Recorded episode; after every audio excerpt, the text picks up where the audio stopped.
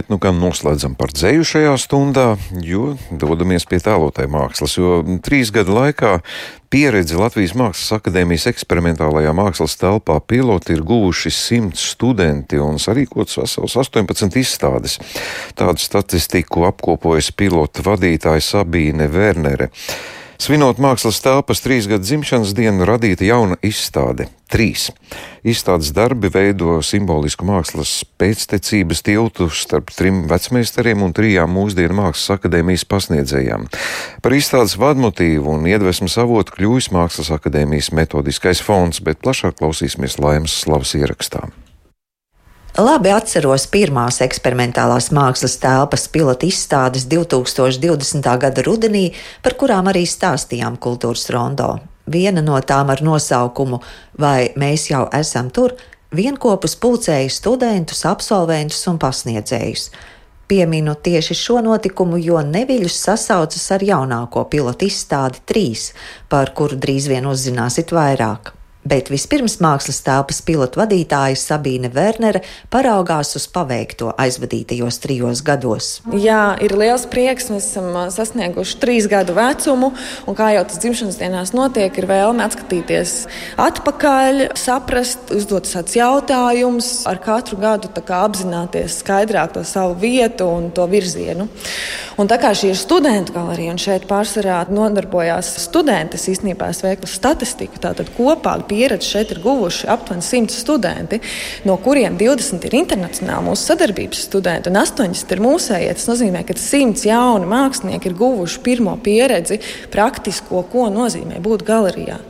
Kopā mums ir bijušas 18 izstādes, no kurām 6 ir arī ar internacionāliem māksliniekiem, ārzemju kuratoriem. Tātad viena trešdaļa mums ir arī šīs sadarbības izstādes, kas arī ir ļoti, ļoti vērtīgi studentiem, veidot šos sakarus un komunicēt ar, ar kolēģiem no, no visas Eiropas. Svinot trešo dzimšanas dienu, sarīkot izstādi ar nosaukumu Trīs, kas ir veltījums Latvijas Mākslas akadēmijai, tās pasniedzējiem un studentiem, uzsverot radošas brīvības un mākslas izglītības nozīmi. Izstādes veidotāji nolēmuši izcelt Mākslas akadēmijas pasniedzējus. Un tā pārskatot šos trīs gadus, saprotot, ka pārstrāde darbojās studenti, bija nepieciešamība tāda sajūta, ka vajag atdot godu pasniedzējiem. Jo nu, tie studenti jau atnāk to pasniedzēju izloloti. Tad, eh, tad nu, mēs kā jau tajās dzimšanas dienās, tur domājot par vēsturi, izlolojām, ka mums ir jāpievēršās dziļai pagātnei.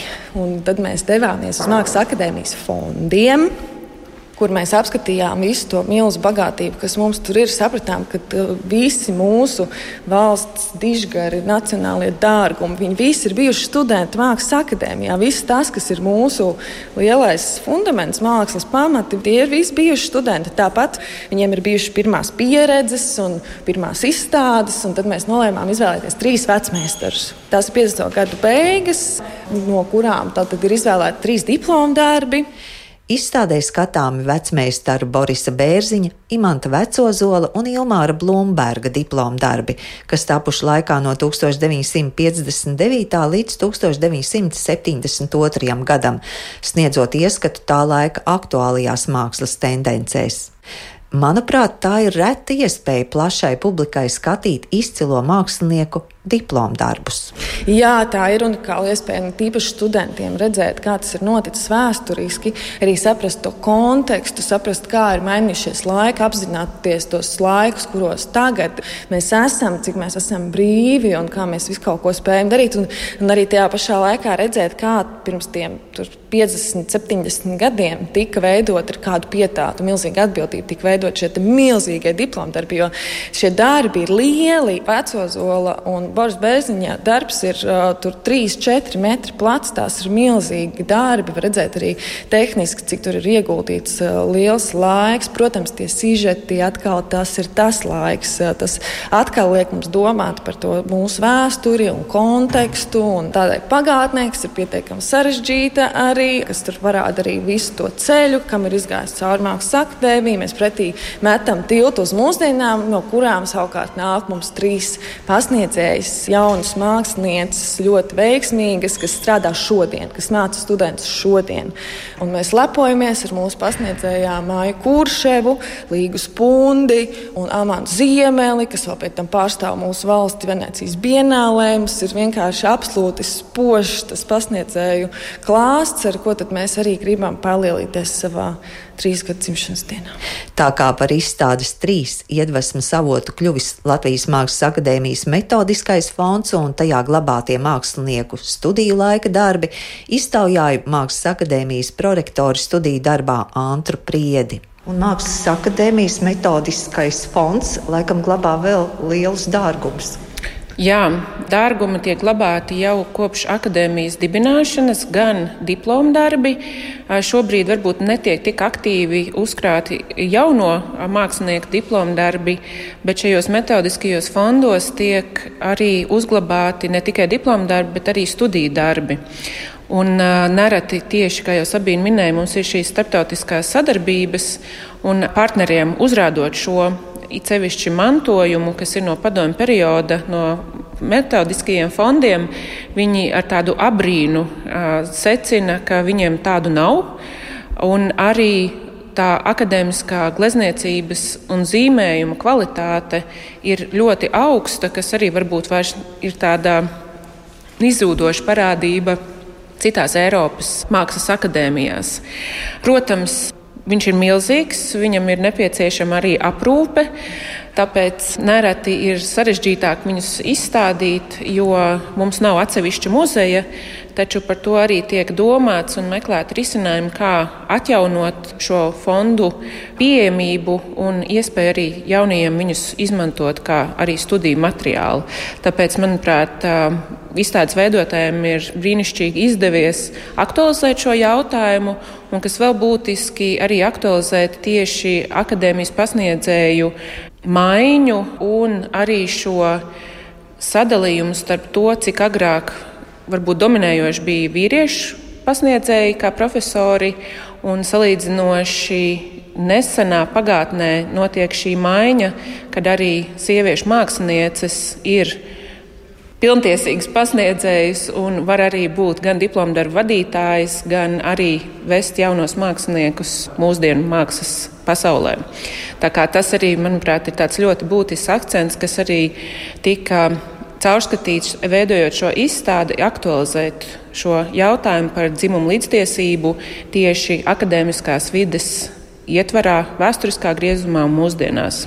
Antra Priete paskaidro, ka metodisko fondu visvairāk izmanto mākslas vēstures un teorijas studijās, taču arī citās akadēmijas studiju programmās varētu lielāku uzmanību pievērst fonda dārgumiem. Vēl viens tāds akcents, ko brīnišķīgi šī izstāde pievērš uzmanību, arī tieši caurskatīt un pārskatīt vēstures mantojumu par spīti ideoloģiskajam spiedienam. Mākslas akadēmija vienmēr ir bijusi kā šī brīvības un izteiksmes brīvības kalve.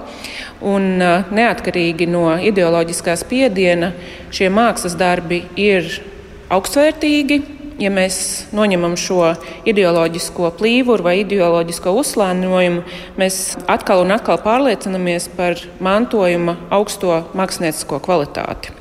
Tā kā tas var būt arī vēl viens akcents, ko var pievienot jā, izstādes vēstījumam.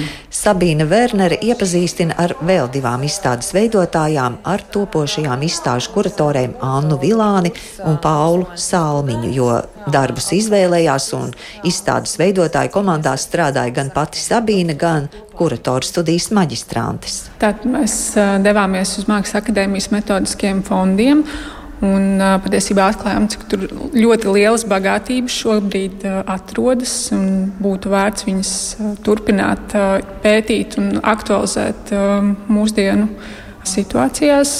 Un pamanījām arī to, ka jā, tiešām pat ja tas īpatsvars sievietēm un vīriešiem ir varbūt citādāks studijas sākot, tad tieši akadēmijas mācību spēku ietvaros tas diezgan redzami atšķirās. Priecīgi, ka tas visu laiku mainās un šis mākslas zināšanu nodošanas cikls turpinās un attīstās. Un rodas ar vien jaunas vēsmas. Ir prieks, ka ir šī paudžu nomaiņa arī tā ideoloģijas nomaiņa, un ka tai sievietei tomēr ir vieta mākslā. Un tomēr arī pārskatot fondus un tajos atrodamos darbus, redzam, ja tas lielais vīriešu īpatsvars prevelē. Un tad šķiet tikai svarīgi pretnostatīt to, ka šodien tas viss ir mainījies. Protams, ir arī atšķirība arī tajā formātā un tajā mērogā, kas ir bijis kādreiz un kāds tas ir šodien. Man tieši kā jaunajai kuratorai ir interesanti arī vērot tieši to piedzīvot izstādes tapšanas procesu un redzēt arī pieredzēt to, ka ir vērts ļauties procesam, uzticēties intuitīvām ierosmēm. Un, tas izstādes tas viss sanāk kopā. Tas izstādes radīšanas process arī ir ārkārtīgi svarīgs. Viens ir tas, ka varbūt ir jābalstīts tajā pētniecībā, tajā fondā, tajā vēsturiskajā materiālā, bet uh, tā pieredze esot klātajā izstādes teksim, būvniecībā vai uzstādīšanā, tas ir uh, ārkārtīgi interesanti un ļoti, ļoti vērtīgi. Tas tāds ierosmes materiāls. Un tā kā mākslas telpa pilota ir jau piedzīvojusi trīs gadus, tad jūs droši vien arī šeit esat bijuši nevienreiz vien kā apmeklētājs. Jā. jā, gan kā apmeklētājs, kā darbinieks. Jā. jā, tā kā ikdiena ir sanācis pavadīt šeit, un tā ir bijusi ārkārtīgi lieliska pieredze. Arī paralēli kuratoru studijām akadēmijā būt nu, uz vietas tajā izstādē. Un, uh, pašai nācies piedzīvot tādas interesantas lietas, cik ļoti aprod ar to izstādi, kurā tu esi. Un, uh, kā sākumā viņi varbūt ir tādas svešas, un tad pavadot ilgāku laiku, tu iepazīsti tos darbus un sarod kopā ar to telpu, ar to izstādi, ar tiem darbiem. Un arī ikdienā ļoti interesanti satikt arī cilvēkus, tos apmeklētājus, kas šeit nāk. Cilvēki grib papļāpāt, parunāt par darbiem, par, par citām lietām, un tad viņiem tas veidojas tāds, jā, tā, tāds procesuāls piedzīvojums arī tajā ikdienā. Un arī tāds eksperimentu un uh, izmēģināšanas lauks, jo kaut arī minot auditorijas atsaucību, tas uzreiz palīdz arī mums kā topošiem kuratoriem saprast, kā labāk strādāt ar auditoriju, kas ir tie jautājumi, kas viņus interesē un kaut kādas tās scenogrāfiskās lietas izstādē, kādu ietekmi viņas atstāja, kādas sarunas un miedarbību veido ar auditoriju. Paula Salmiņa šovasar absolvējusi studijas Mākslas akadēmijā. Savukārt Anna Vilāne ir maģistrantūras otrā kursa studente, un abas piekrīt, ka eksperimentālā mākslas telpa pilota ir radoša darbnīca arī kuratoriem bet mākslas telpas radošā komanda aicina arī skatītājus svinēt mākslas radīšanu un piedalīties pagātnes un tagadnes sapludināšanā, ko spilgti apliecina izstāde 3. Ja, un visu šo mēs varam īstenot izstādes laikā, un tā būs skatāma līdz 21. oktobrim. Bet pirms noslēdzam šo stundu, vēl pāris lietas, uz kurām gribu aicināt, jo šonadēļ sākas ikgadējais Baltijas jūras dokumentālo filmu fórums, kura ietvaros šovakar Liepupes mūžas dārzā būs be, bez maksas skatām Grūzīna režisores Salomes Džašī dokumentālā filma Dārza savaldīšana. Pēc tās klātienē varēs aprunāties arī ar pār pašu režisori. Bet Rīgā vakar sākās un šodien turpinās starptautiskā zinātniskā konference, kas veltīta nemateriālajam kultūras mantojumam Eiropas sociālajā telpā. To kopā rīko Latvijas Nacionālais kultūras centrs, Latvijas etnogrāfiskais brīvdabas muzejs un starptautiskā tautas mākslas organizācija. Un konferences mērķis ir apzināt nemateriālā kultūras mantojuma saglabāšanas iespēju, da, iespēju daudzveidību Eiropā, gūt jaunas zināšanas un dalīties ar Latvijas pieredzi. Varbūt, ka jums vēl noder arī šī informācija. Bet šo kultūras rondo sagatavoja Santa Lauga, Māra Rozenberga, mūzikas redaktors Girds Bišs, pieskaņpūs bija Iveta Zvēniec. Tiksimies atkal rīt. Visu labu!